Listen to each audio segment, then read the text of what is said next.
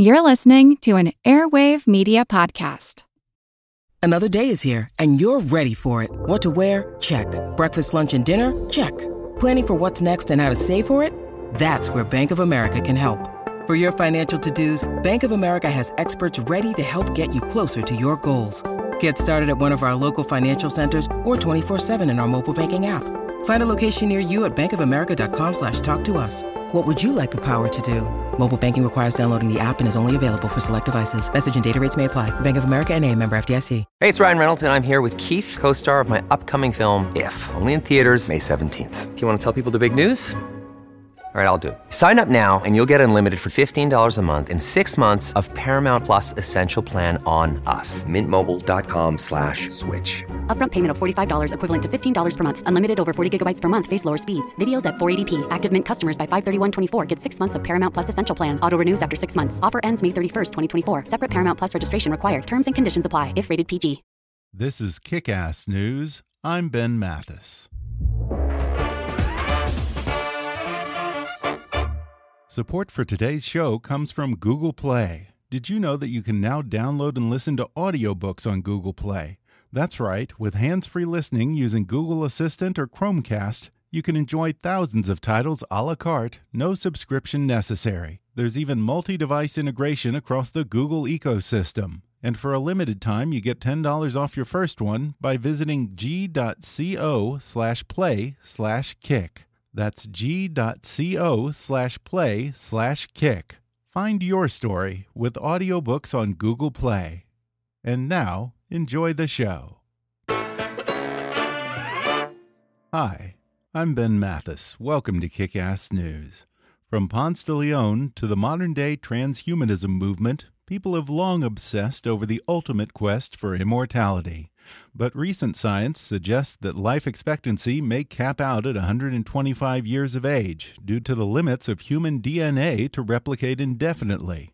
So maybe we're asking the wrong thing. Instead of chasing some mythical holy grail of eternal life, perhaps we should be asking how can we live not just longer, but happier, healthier, and more meaningful lives well into our 80s, 90s, and even 100s.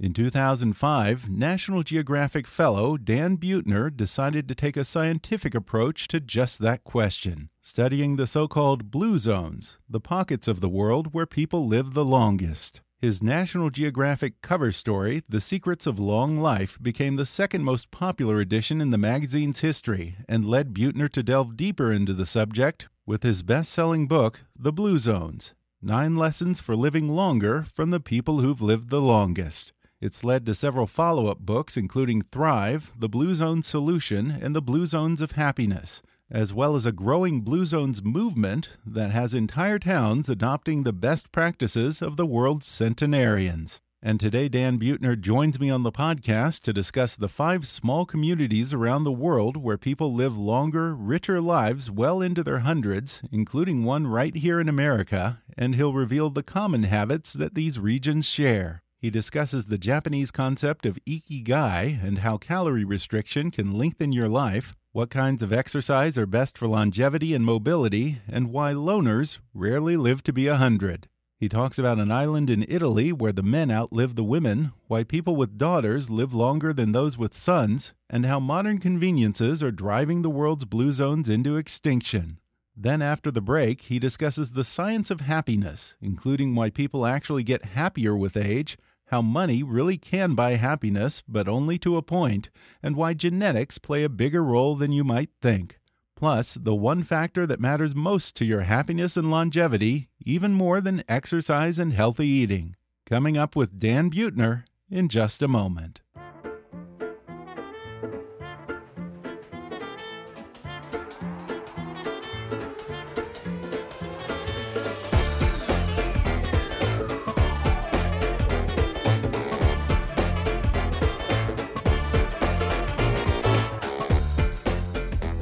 Dan Buettner is an explorer, National Geographic Fellow, award winning journalist and producer, and best selling author who discovered the five places in the world dubbed blue zones where people live the longest, healthiest lives. His article about the blue zones was one of National Geographic's best selling editions, and he followed it up with four New York Times bestsellers The Blue Zones Lessons for Living Longer from the People Who've Lived the Longest, Thrive Finding Happiness the Blue Zones Way the Blue Zone Solution, Eating and Living Like the World's Healthiest People, and most recently, The Blue Zones of Happiness Lessons from the World's Happiest People. He also works with municipal governments, large employers, and health insurance companies to implement Blue Zones projects in communities, workplaces, and universities. Plus, Dan Buettner holds three, count them three, Guinness World Records in distance cycling. Dan, Thanks for coming on the podcast. uh, it's my pleasure to be here, and I'm sorry about the titles of my books. They sound like mouthfuls. Not at all. you know, I, I'm so fascinated by the Blue Zone project and all your research. I've long been interested in longevity. But when I think of centenarians, it often brings to mind those local news pieces about someone's grandma who just turned 101 and they inevitably ask how did she do it? And she may say her secret is she eats ice cream every day or goes ballroom dancing twice a week which is cute but it's entirely anecdotal. It's not very useful. On the other hand what you did is you looked at the commonalities among centenarians right? Right. So in a sense we reverse engineered longevities and you can't start with one and extrapolate to uh, generalization, but you can find populations, confirm that they're long lived. And by the way, we don't look at just the centenarian concentration, but we also look at uh, middle aged life expectancy and low rates of mortality. Mm-hmm. It's actually a better measure. And once you can identify populations that are living verifiably longest, there's methodologies to determine what exactly they're doing that's explaining this longevity. And when you see the same pattern over and over and over again, as we've seen in these blue zones areas, five of them, you can start to get a pretty good idea of what maybe we ought to be doing if we want to make it to our 10th decade and arrive not only healthy and vital, but also happy. How did blue zones first pop up on your radar? I had been assigned a project for National Geographic uh, to to find the areas around the world where people live the longest, and it's actually a very rigorous exercise because you have to find birth about 100 years ago, say between 1915 and 1920, and you have to follow those births for a century and um, adjust for immigration and emigration and see who's surviving. And it took us two and a half years and probably cost us $300,000 to go through worldwide census data to find the longest lived parts of the world. And um, we first uh, found uh, Okinawa, Japan, had the longest disability free life expectancy in the year 2000 and did a fir- our first expedition there. Started to piece together an explanation. Then in 2004, I connected with uh, Michel Poulain and Gianni Pes in Sardinia. They'd identified an area in the highlands called the Nuoro province where there's the highest concentration of males. Uh, and they actually were using the blue pen circling the 14 villages of extreme longevity, um, calling it the blue zones. And then, inspired by that name, I um, uh, extended it to any part of the world where people live the longest. And mm-hmm. we went on to find the uh, Loma Linda, the Seventh day Adventists, longest lived Americans, the island of Icaria, Greece, a place where people are living eight years longer, but largely without dementia, and then the Nicoya Peninsula of Costa Rica. That produces arguably the healthiest, oldest people, and they do so for about one fifteenth the amount we spend on health care this is the skeptic in me, but in almost every case, you're looking at a very tight knit, in some cases, isolated community. How much of it could be less about their lifestyles, but maybe more about just some people years ago won the genetic lottery and just keep interbreeding within that small group and perpetuating those healthy genes?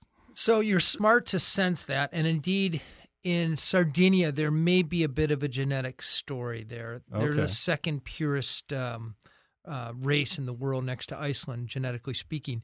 Uh, but all the other blue zones areas are uh, heterogeneous. In other words, they're melting pots of people with from all sorts of backgrounds, just like the United States.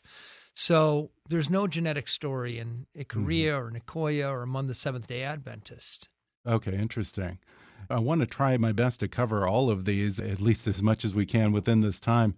Um, Japan is, of course, well known for having some of the longest life expectancies, but within that country, you zeroed in on Okinawa as having, I guess, a higher than usual proportion of centenarians and even super centenarians. You open the book talking about a particular woman that you encountered along the way. Uh, tell us a little about her. You find what the average person does in these uh, blue zones areas, and then you you you kiss enough frogs, so to speak, until you find a prince or a princess whose life matches up with the average. And mm-hmm. this Ushi Okushima happened to be the woman. She was 108 years old. Um, she had a strong sense of purpose. Um, which is worth about eight years of life expectancy. Uh, they call it their uh, ikigai, the reason for which they yeah. wake up in the morning. She belonged to a moai. We now know that if you're lonely in this country, in other words, if you don't have three good friends you can count on on a bad day, it shaves about eight years off of your life expectancy. Hmm. Ushi belonged to a circle of friends. They call it a moai, M O A I, of five friends that she's had since childhood that she could count on. Um, she ate the the uh, quintessential Okinawan diet for most of her life of sweet potatoes, a purple sweet potato called imo, turmeric, um, bitter melon, and probably eight times the amount of tofu that we eat. Um, she drank green tea all day long. Uh, she surrounded herself with the right kinds of people. She lived, she moved, had gentle, low intensity physical activity every day. Uh, she was the emblematic centenarian that told the story of Okinawa. Yeah, and the Okinawans had this philosophy of eating that sort of echoes what I've heard from a lot of scientists I've had on the show, which is if you reduce your calorie intake by, say, 20 or 30%, it's scientifically proven that you can extend your life by 20 to 30%. That bared out in your research? Right. So the Okinawans have a Confucian saying, hara hachi bu, which reminds them to stop eating when their stomachs are 80% full, and they'll say Hara Hachi Bu like a prayer before a meal. And it turns out that uh, Okinawans had forced caloric restriction for most of their lives. They went through a terrible time during World War II. There were a couple other periods of famines. And while, while um, caloric restriction, or this 20 or 30% fewer calories, mm-hmm. won't necessarily extend your life. It slows the rate of oxidation, of internal oxidation. Mm-hmm. And um, I get can help keep you from foreshortening your life. I guess it's just a okay. semantics thing, but. Uh, okay. Uh, um, but but there is a certain amount of wear and tear that comes into metabolizing food each time, I guess, huh? Yes. So inside of your cells, there are mitochondria, and when they metabolize food and the system is working at full throttle, it throws off a, a, a free radical, mm-hmm. which literally rusts you from the inside out. And when you don't have quite enough food or you're in kind of a hibernative state, uh, your this mitochondria doesn't throw off as much free radicals. So you don't have this oxidating agent circulating through your blood wreaking havoc on your arteries, shrinking your brain, wrinkling your skin, and so forth. So, mm-hmm. the bottom line, it's a good idea to cut back on calories. Yeah. And this Okinawan idea of ikigai, that's something that cuts across all of these cultures a, a, sense of purpose or a reason to get up in the morning, family, and that sort of thing. That was one of the commonalities you found, right? Exactly, a vocabulary for purpose. All these mm -hmm. blue zones have them, and it, it's top of mind. And it, it's it is far more powerful when it comes to longevity than diet or exercise. We tend to focus on really diet and exercise. The problem with diet and exercise is they, they tend to be short lasting. Whereas if if you have taken the time to really understand your sense of purpose and you're applying it day in and day out, you're you're living a life more intentionally, probably with less stress, probably with less inflammation, mm-hmm. with less anger. Um, it's just healthier and it keeps the I would say that the sort of flames that consume our lives burning much lower than they mm -hmm. would if if you're rudderless throughout your life and and kind of alongside that, religion plays into it as well. In Loma Linda, you have this pocket of seven day Adventists who have these incredibly healthy, long lives. And a lot of it has to do with kind of their beliefs, you know, cutting out meat and that sort of thing. But were you able to pin down, I guess, exactly how spirituality impacts longevity? So it's you can't really measure spirituality, but you can mm -hmm. measure religiosity. Okay. Religiosity is simply the number of times you show up for a faith based community in a month. Okay. and there's a strong correlation. We know that people who are showing up to church, temple, or mosque four times a month live four to 14 years longer than people who don't. And we don't know if that's because people who show up to religious ceremony, religious um, uh, gatherings, have better social networks or they're less likely to engage in risky behaviors or they're able to sort of downshift and de-stress an hour a week or if because there's a god and you know god likes people who worship her more than than people who don't but it works uh, across the uh, demographics. It mm-hmm. works everywhere in the world. Uh, I am actually quoting uh, Dr. Gary Fraser, who did a meta analysis of uh, religious people everywhere. I just happen to observe in blue zones of the 300 or so centenarians I interviewed, only five did not have a God in their lives. Uh, yeah, it maybe makes sense, I guess. If you believe that not everything is under your control, then maybe you have less to worry about. Maybe you don't fret as much over small things or arguments and that sort of thing, things you can't change, I suppose. Yes. They so whenever you're worried, if, whether you wake up and you worry about what you're doing in life or or um, just a day to day stressor, it triggers something called the inflammatory response, and and those ensuing biochemicals wreak havoc on on your body. They're the root of every major age related disease, hmm. um, heart disease, several kinds of cancer, diabetes, even dementia. So the so whatever mechanism we can deploy to lower that inflammatory response to lower the stress in our lives is going to make a huge difference over time. So knowing your purpose and being able or and or having a religion or being able to depend on a God or relinquish the the day to day stresses to this quote unquote higher power um, over the over time has an enormous impact on our on our overall uh, health. Now, you mentioned dementia a second ago. Were most of the centenarians that you talked to, were they mentally sharp, able to hold a good conversation, good mental recall, and so forth? So, not 100% of yeah. centenarians in Blue Zones area have eluded dementia, but uh, we were, we found places, for example, Icaria, that has about one fifth the rate of dementia that you'd expect to see in the United States. Wow. So in the U.S., if you're if you reach age 85 and you're a man, there's about a 40 percent chance you're suffering from dementia. If you're a woman, it's about 60 percent. Hmm.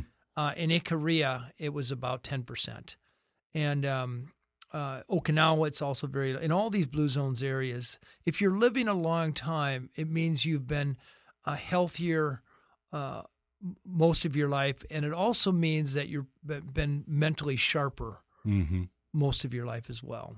Interesting. Or were there any specific habits that you could point to that kept them sharp? Or I assume that they were working late into life and that sort of thing. Maybe. So they were sleeping well. Oh, okay. The, the, most of them um, go to bed shortly after sunset and sleep to about sunrise. Hmm. They took naps. Uh, they tend to have about half the rate of depression that we have in the United States. There's an association between depression and dementia. Uh, they tend to eat mostly a plant based diet. We know very clearly that a um, a diet that's uh, heavily laden with animal products is associated with higher rates of dementia. Uh, but I would say most interesting, and this is just an observation, but I believe it's a strong observation. So, the area we found Icaria that had almost no dementia, relatively speaking, also, they drink almost every day of their lives a tea made out of either oregano, rosemary, sage, or uh, dandelion. And we had all those herbs sent to the University of Athens School of Pharmacology and tested. And we found that all of them were number one, uh, anti inflammatories, and two, mild or uh, medium strength diuretics. And diuretics Yeah. are kind of a natural um, way to lower blood pressure. Okay. So you think that was a factor? I do. I do. Wow. Oh, I, that's my opinion. Right, I can right. say with 100% certainty is they drink these teas every Yeah. day, and with 100% certainty they have very low rates of dementia.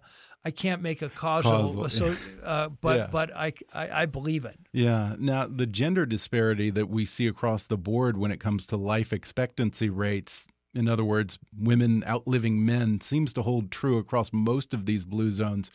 But particularly in Sardinia, it turns out that the men live longer than the women. Why is that?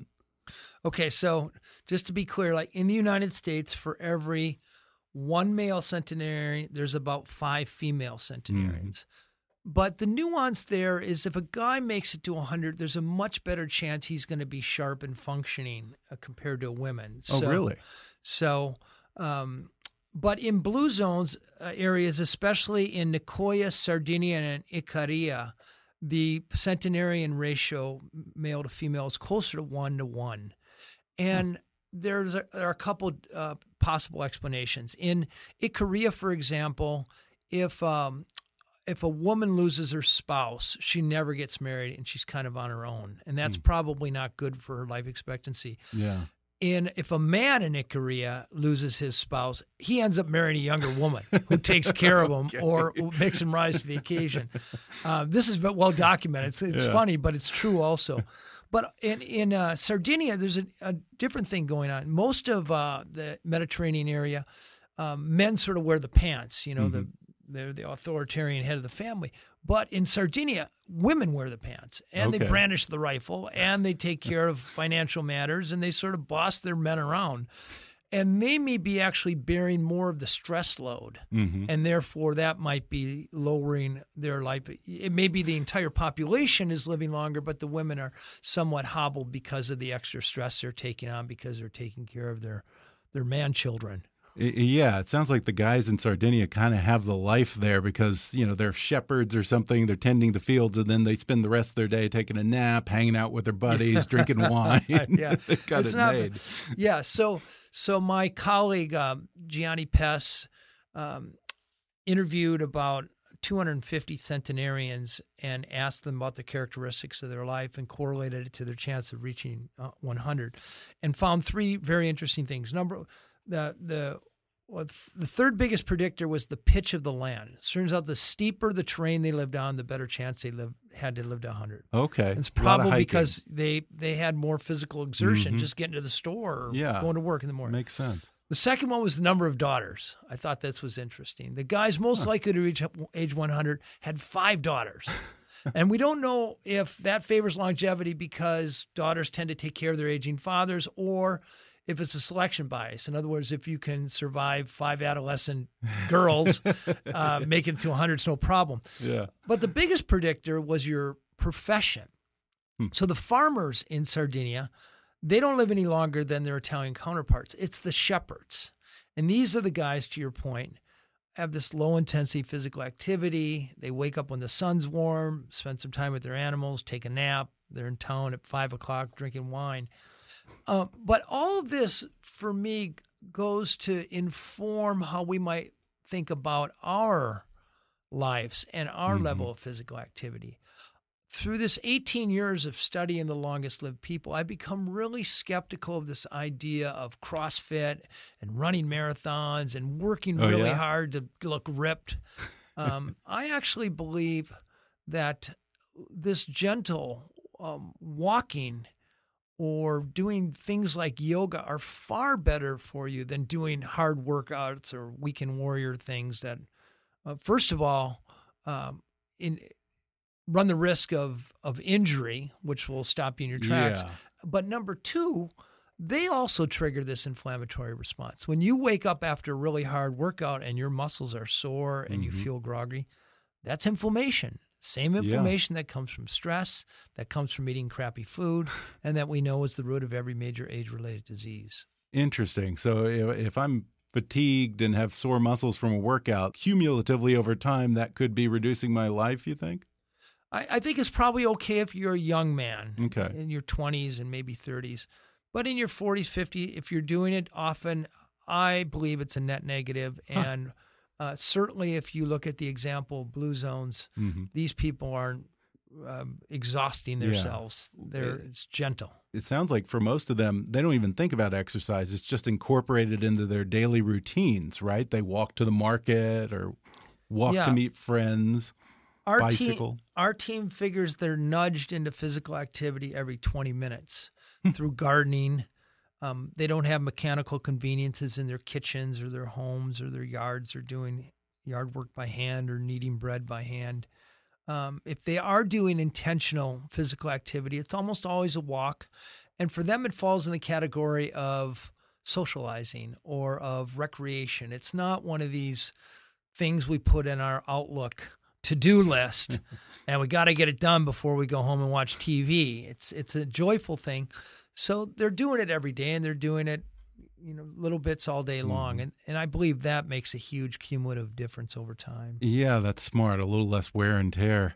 Now, you say that most of these traditional lifestyles in the blue zones are dying out, actually. Where are the threats coming from? Threats are coming from right here in the United States. Yeah. Uh, we've exported the standard American diet fatty, sugar, processed, meaty. Mm -hmm. And um, they they were genetically hardwired to crave fat and sugar and salt.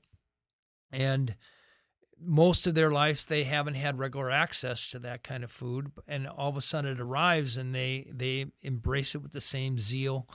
We embrace it. And um, unfortunately it's it's uh, in many cases reversing the incredible longevity gains that they've achieved over the last century yeah, I think you say that in Okinawa, there's been this explosion of Burger Kings and fast food burger places all over the place that's threatening that population's yeah. Longevity. Well, it's the it's the American it's the um, American uh, base, the army base mm -hmm. there, which is right in the middle oh, of the island. yeah, yeah. And around Makes it sense. has popped up, uh, sprouted a forest of McDonald's and A and W root beers, and it's wreaked havoc. Also, uh, the the GIs introduced spam to oh, Okinawa right, yeah, after in the, the, war in the 1940s, and yeah. they were starved. And you give starved people fatty, salty pork, and man, yeah. they they loved it. But unfortunately, um, now though this is the island that produced the longest lived population in the history of the world. Sheesh. They're now the least healthy island in all of, all, all of Japan. Oh, that's amazing. So huh. you can see how these uh, these these longevity longevity's fragile. Mm-hmm. But we know what it is. We know how to preserve it, and we know how to apply it. Do the centenarians that you encountered spend much time actually thinking about death or mortality? No. No. They, they have. They they never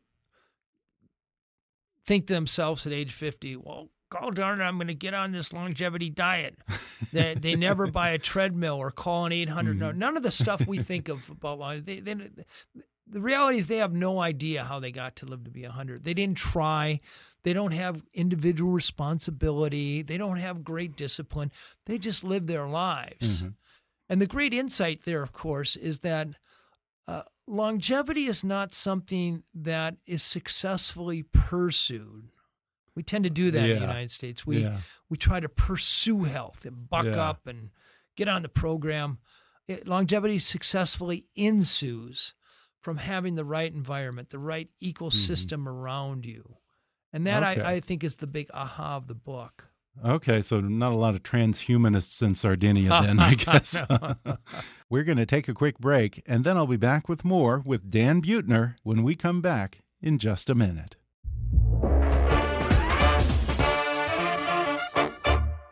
If you're on the fence about life insurance, get down with Ladder. Ladder is the smart, easy, and instant way to get and manage life insurance. Just go online and apply. It only takes a few minutes, and there's no paperwork or fees.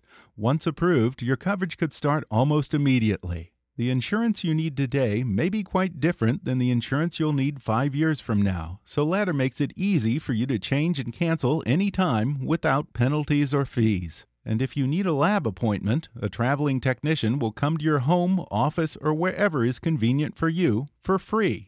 If you have questions, simply reach out to one of Ladder's licensed insurance professionals at any point. Unlike other companies, Ladder's professionals are not commission based sales agents, so you can trust that they have your best interests at heart. Ladder provides the simplest, most straightforward, and affordable type of life insurance and is licensed and backed by trusted partners with billions in coverage. Go to ladderlife.com to learn more and apply right now with their online application. Once more, that's ladderlife.com. Get off the fence about getting life insurance with Ladder. Hey, folks, I want to tell you about an awesome podcast I recently discovered that deals with one of the most complex and politically charged issues today. It's called Hidden Truth, and it's in its second season. Join host Jimmy Breslow as he does a deep dive into the transgender movement by interviewing his fraternity brother Dave, who recently became his sister Sabrina. Most people have never met a trans person or even know what it means. But while most people are nervous to talk about it, Jim dives right into the most controversial topics with Sabrina and experts on all sides of the issue. And Sabrina tells Jim for the first time about sneaking away from the fraternity in college to hang out with transgenders in Hollywood and recently leaving his wife and kids in order to transition. No matter what your feelings are on the topic, you're guaranteed to think differently about it after listening to Hidden Truth Podcast. Tune in to hear more wherever you listen to podcasts. And check out season one of Hidden Truth, where Jim investigates what really happened the night of the Las Vegas shooting. And now, back to the podcast. More recently, you came out with a book called The Blue Zones of Happiness. These are the countries that typically rank at the top of the so called Global Happiness Index. This seems like a much harder task because with longevity, you at least have some objective measurements to work with. How do you come up with objective criteria for how happy a person is? Well, to your point, happiness is a meaningless term academically mm-hmm. speaking, mm -hmm. but but uh, surveyors can can very accurately assess life satisfaction, and life satisfaction uh, keys off the question: uh, Imagine your life as a whole on a scale of one to 10, 10 being your best imaginable life and one being your worst imaginable life, um, how satisfied are you with your life? Mm-hmm. And you get enormous variations. You places like Moldavia or Syria uh, or uh, Tanzania, those people are saying on average a three, and in places like Denmark and Costa Rica, they're saying eight. So there are clearly places where people are more who evaluate their lives better. And then there's another set of questions called affect question, positive and negative affect, that rely on 24 hour recall. You only remember about 2% of your life. You remember the high points and the low points. Interesting. And what happened last. And and so when I ask you to evaluate your life on a scale 1 to 10, you don't have much data to do so. Um, but when I ask you the last 24 hours, uh, how much did you feel joy and pain and worry and anxiety, you can remember fairly clearly. So another way of measuring happiness is to is to uh, assess, assess, that 24 hour recall and have people um, uh, rate their experience in that 24 hours. And the idea behind Blue Zones of Happiness was to identify the countries in the world that had the highest life satisfaction, the highest positive daily experience and the highest sense of purpose, and then draw the um, lessons from from those places.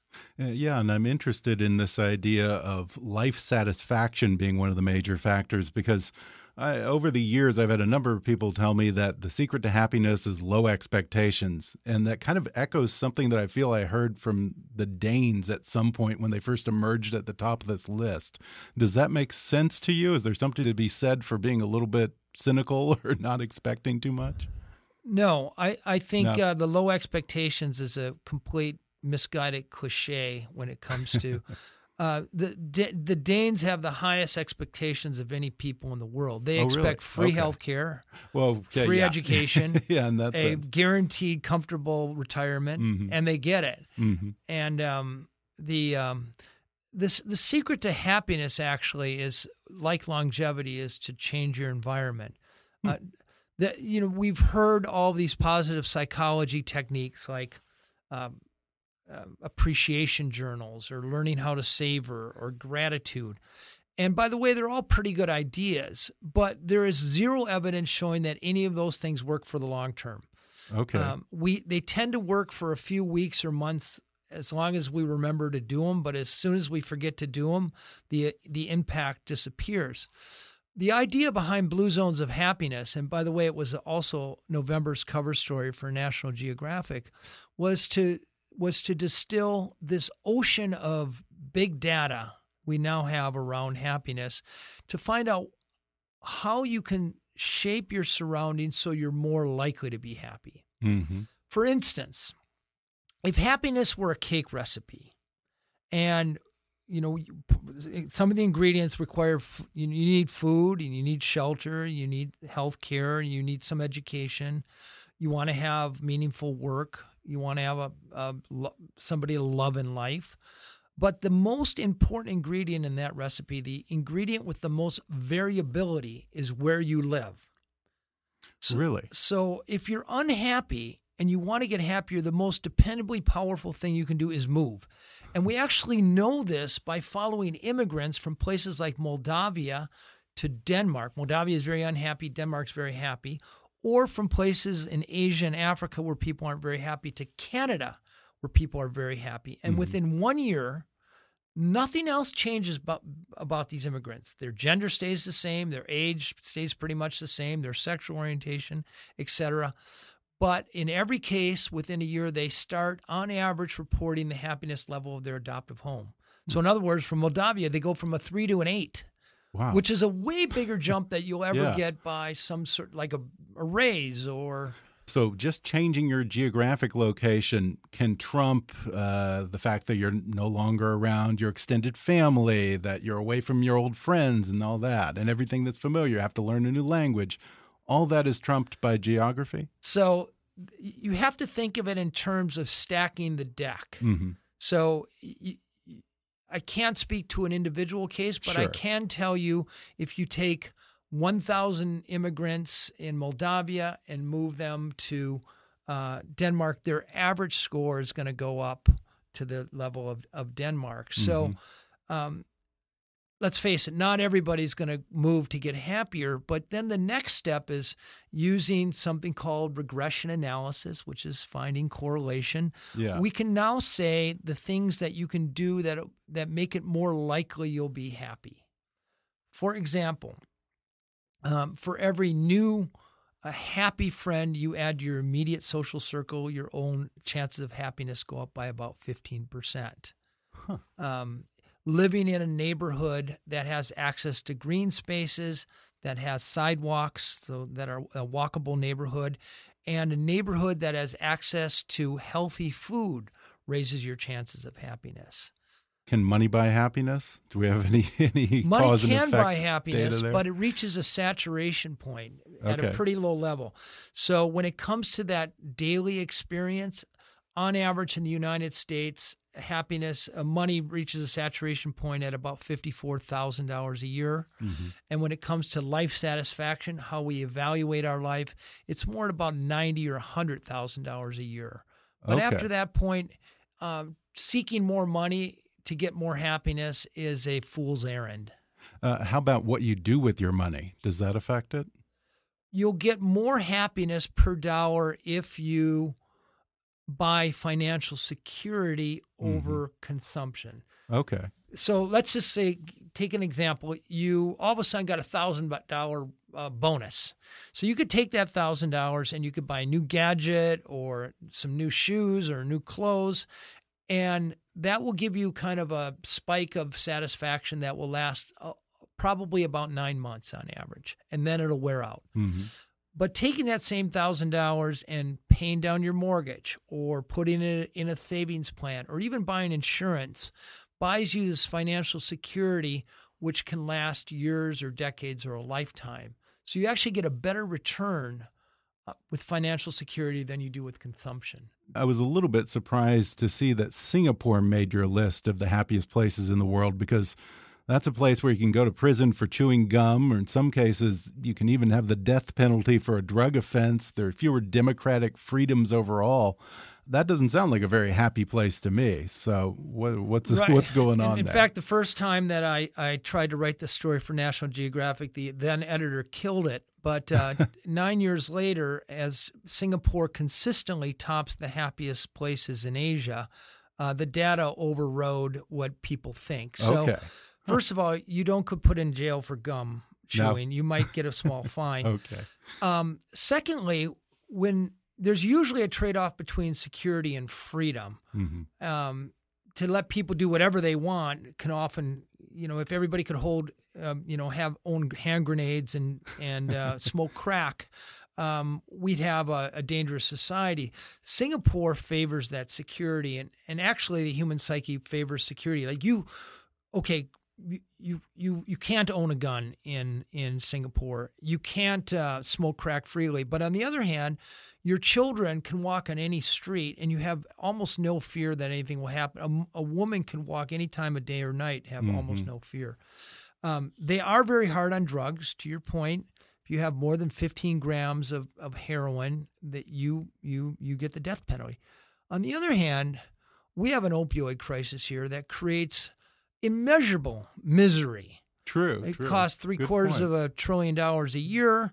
114 people die every day because of the disease, and that ripples through families and Yeah. and communities. And and um, Lee Kuan Yew, who was the uh, um, uh, prime minister who made these laws, kind of assessed the the um, danger, the the downside of a death penalty for uh, drugs, and indeed, 12 or 14 people a year die, and these are people who choose to deal drugs. Um, on the other hand, they have zero opioid crisis. They have almost zero drug Mm-hmm. yeah. problems. So maybe it's a net positive. So from from an objective sort of data approach, Mm-hmm. Yeah. it was a very good uh, policy decision. But yeah. you know, values come into play, and Yeah. Now, only one of these countries on the happiness list overlaps with your longevity blue zones. That's Costa Rica. Does that tell us something about Costa Rica or perhaps something about the other countries that, that don't have that overlap? there's no such thing as a coincidence when it comes to a happy place. If the mm-hmm. place is a ha- a happy country or city today, it's because uh, there's a clear genesis. There were enlightened leaders 50 to 150 years ago who took their focus off of just economic development and focused on quality of life. hmm They made uh, literacy a top priority. They educated girls, mothers, uh, so that they they had fewer children. Those children were healthier, better educated. They grew up to be more productive, voted for better leaders, were better parents themselves, and started this upward spiral. Uh, the happiest places in the world tend to invest in health. In the United States, we actually pay for sickness mitigation. About Right. three point seven trillion dollars a year we spend on avoidable diseases in places like Costa Rica, which produces not only the longest lived people but the happiest people. They invest in health. They, every man, woman, and child in that country used to be third world not too long ago gets a free visit from a health ambassador every year who will catch a uh, high blood pressure or diabetes or depression before it becomes a, uh six-figure 911 problem. Mm-hmm. Yeah, and there were a number of things that were kind of surprising in this book. There's some interesting data here about how gender equality affects happiness in these different countries. How does that bear out? Yeah, so this is an interesting correlation. So, in in uh, places where there are there's gender equality, so men and women are treated equally, the men are happier than the women, and in places where there's not gender equality, the women are happier than the men. So it turns out, from a man's point of view, it's actually in our own best interest to make sure women are treated fairly. So- Yeah. Is it just that women are less happy because they have more responsibilities suddenly and more to deal with? I don't I don't know. Uh, Work it- and so forth. I can only hypothesize, but so and yes, and when you have women in in some traditional countries, their main job is being a mother Mhm. and raising children, which can be a very fulfilling full time job. But in places where there's more gender equality, there's more pressure to take on a career on top of that, and that could double the amount of hours you work and the double the amount of stress. And it could just be that places where uh, women aren't treated fairly, that that there, there's as a rule there's not equality, so mm-hmm. everybody's less happy. Okay. uh, and, and, yeah. and, indeed, it may not be the ideal situation for men to be in a place where where um, women aren't being treated fairly. Yeah, yeah. I mean, Afghanistan, somewhere where you, you might yeah. have to worry about your life or your right. daughter's getting kidnapped. You know, it's, it's often yeah. in, in, Islamic countries, and, and it may be that that when women aren't treated fairly, they they bond together, mm -hmm. and mm-hmm. there's a camaraderie that you get oh, that that may kind of supersede um, the the unfairness they're getting from outside of their their their their circles from a larger community. I don't really know, but it's it's something interesting to yeah. think about. And it, and once again, Blue Zones of Happiness is about how to stack the deck in favor of happiness. Right. It it starts with the fact that about forty percent of your happiness or lack thereof is dictated by genes. Fifteen percent or so that was is, interesting. is your is life circumstances. You know, if you're chronically in pain, it's hard to be happy. And then about forty five or fifty percent is up to you and I make the argument that if you want to get happier, don't try to change your behavior because that will fail for almost all of the people almost all the time in the long run. Mm-hmm. Try to shape your uh, environment, your surroundings, and here's how to do it. Yeah, I'm very interested in that 40% that's genetic because that makes sense when we're talking about longevity, that there's a big genetic component. But actual happiness or happiness, uh, there's a good portion of that that comes from mom and dad, huh? Right. Not from the environment. Right. So we're all on. So if you imagine a spectrum on one to 10, um, we're sort of genetically endowed with what what uh, I call a set range. Mm -hmm. So some people, uh, so imagine a State Farm insurance salesman. I don't know why I said State Farm, but to, who on a good day is a nine and on a bad day is a six. And then imagine a existential poet, for example, who on a good day is a six and on a bad day is a, a two. So it, it would be very hard to get the poet up to the level of chronic happiness as mm-hmm. the State Farm salesperson. Um, but there's a number of things the poet could do and the salesman could do to to push their own happiness to the upper register of their mm-hmm. of their set range.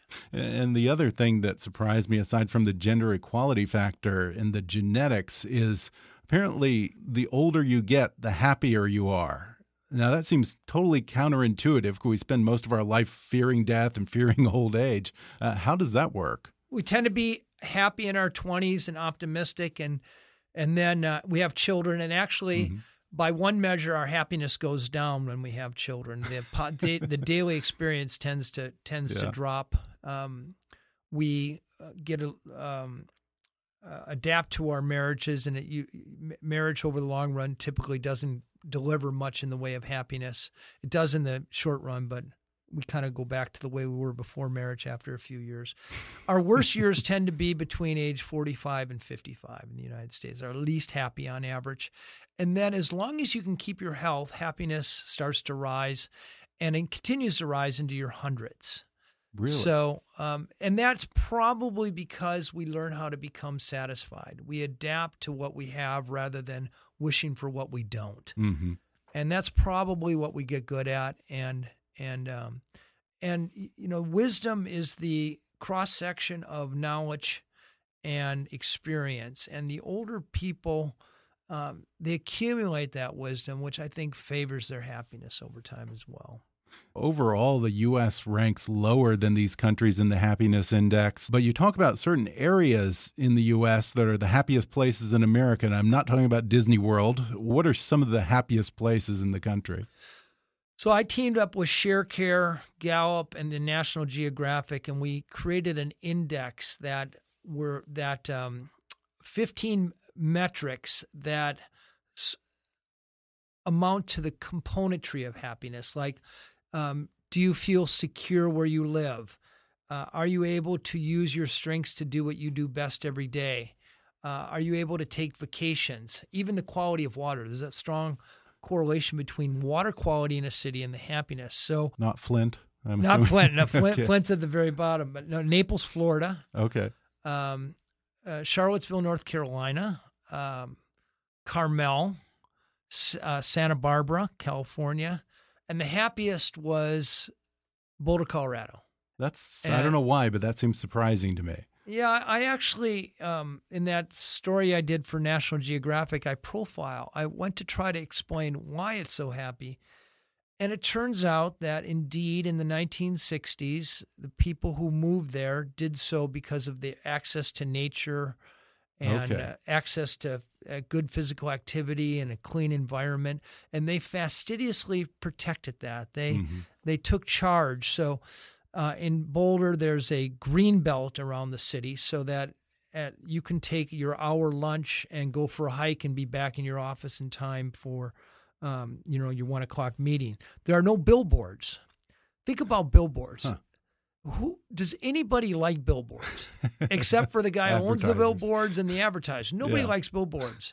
And in fact, they encourage us to do things that make us unhappy, like eat junk food and buy crap we don't like, don't really need. So, Yeah. um, um, Boulder has none. Uh, Boulder favors the pedestrian over the motorist. So it's a place where you don't have the drone and of traffic, and uh, it's safe to walk, and and um, it's just a place that favors human beings Mhm. over kind of blind uh, economic development, like so Mhm. many other places. Yeah, and you've been trying to apply these principles to entire towns here in the U.S. Um, is there something to be said for having a little bit of peer pressure or a group effort as opposed to just trying to adopt these blue zones principles on your own? In 2009, I got a grant from AARP to try to create a blue zone in the United States. I auditioned five cities, and we picked Albert Lea, um, Minnesota, and we changed its environment. And and over the course of two years, we saw their life expectancy go up by three years, and their healthcare costs go down by 40%. And we got very popular in a hurry. We're now in 26 American cities. And in each one of those cities, uh, we have full time people, three squads. One squad works with city governments to pass uh, policy to favor fruits and vegetables over junk food, to favor the the uh, pedestrian over the motorist, and to favor the non-smoker over the smoker. We have a second squad that administers a blue zone certification program for schools, restaurants, grocery stores, and workplaces to make those places 20% healthier, make the healthy choice the easy choice, essentially. Mm-hmm. And then a third squad gets 15% of the population to sign a blue zone pledge. And all they agree to do is go take checklists into their homes to optimize their homes for health, to join a new social network of four or five people who uh, walk or eat plant based food. And third, to take a purpose workshop and volunteer. And when you orchestrate this perfect storm of people, places, and policies, and you keep the pressure on it for three to five years, we see double digit drops in BMI at the population level. So, in other words, the weight of an entire city will drop 15 or 16%. No kidding. Smoking will drop by, um, we've seen as much as 28%, and people's reported life satisfaction goes up. And, and one of our most successful um, uh, communities is right here in California, the beach cities of Redondo, Hermosa, and Manhattan Beach. Uh huh. Uh, over the past six years, they've seen uh, their health dramatically increase. They'll they've probably they'll probably save on the order of sixty or seventy million dollars in healthcare costs because they adopted the Blue Zones project. Wow. Before we go, what would your top five suggestions to people be? Number one, adopt a plant based diet for both happiness and mm-hmm. health. And the four pillars to longevity diets everywhere greens, whole grains, nuts, and beans. Okay. If you're eating a cup of beans a day, it's probably adding about four years to your life expectancy. Wow. Number two, carefully curate your immediate group of friends. You want to shoot for three to five friends who you can count on on a on a bad day, who you can have a meaningful conversation with, and who have healthy habits themselves and have a sunny outlook. Because that's health habits are contagious. Uh, number three, take the time to do an internal assessment of your values, what you're good at, what you like to do, and your and where the cross section is. And I would say that's your sense of purpose. And make sure you're putting your purpose to work either at your job or at your philanthropic volunteer life. Very important. Number three, assess your environment. Uh, do you live in a place that's dirty, that you have to drive every place to, that's surrounded by junk foods? If you do, I would think about trying to move. Yeah. Um, or if not, shaping your own immediate um, immediate surroundings. And then uh, I, I would say uh, the the final thing is to measure. Uh, if you can't measure your longevity or your happiness, you can't manage it. Um, huh. We have a couple tools on our website that we um, they're free and we we organize them or we develop them with uh, universities that can measure not only your life expectancy but your happiness and give you customized suggestions on on on how to increase your own individual uh, lifespan and, and and happiness expectancy. Fantastic. Well, that website with lots of other resources is called bluezones.com, right? Bluezones.com. Bluezones.com. Right. Yeah. And once again, Dan Buettner's landmark first book is called The Blue Zones Lessons for Living Longer from the People Who've Lived the Longest, as well as three other bestsellers, including his latest, The Blue Zones of Happiness Lessons from the World's Happiest People. Dan Buettner, thanks so much for talking with me. It was a blast. Thank you. Thanks again to Dan Buettner for coming on the podcast. In case you missed it before, you can order his books The Blue Zones, The Blue Zones Solution, Thrive, and The Blue Zones of Happiness on Amazon or Audible. For lots of other fascinating stuff, visit bluezones.com and follow Dan on Twitter at, at @bluezones. Support for today's show comes from Google Play. Did you know that you can now download and listen to audiobooks on Google Play? That's right, with hands free listening using Google Assistant or Chromecast, you can enjoy thousands of titles a la carte, no subscription necessary. There's even multi device integration across the Google ecosystem. And for a limited time, you get $10 off your first one by visiting g.co slash play slash kick. That's g.co slash play slash kick. Find your story with audiobooks on Google Play. If you're on the fence about life insurance, get down with Ladder. Ladder is the smart, easy way to get and manage life insurance. Just go online and apply, it only takes a few minutes. With Ladder, there's no paperwork or fees, and you can change it anytime without penalties. Ladder is licensed and backed by trusted partners with billions in coverage. Go to ladderlife.com and get off the fence about getting life insurance. If you haven't already, be sure to subscribe to Kickass News on iTunes and leave us a review. You can follow us on Facebook or on Twitter at, at KickassNewsPod. And as always, I welcome your comments, questions, and ideas at comments at kickassnews.com. I'm Ben Mathis, and thanks for listening to Kickass News.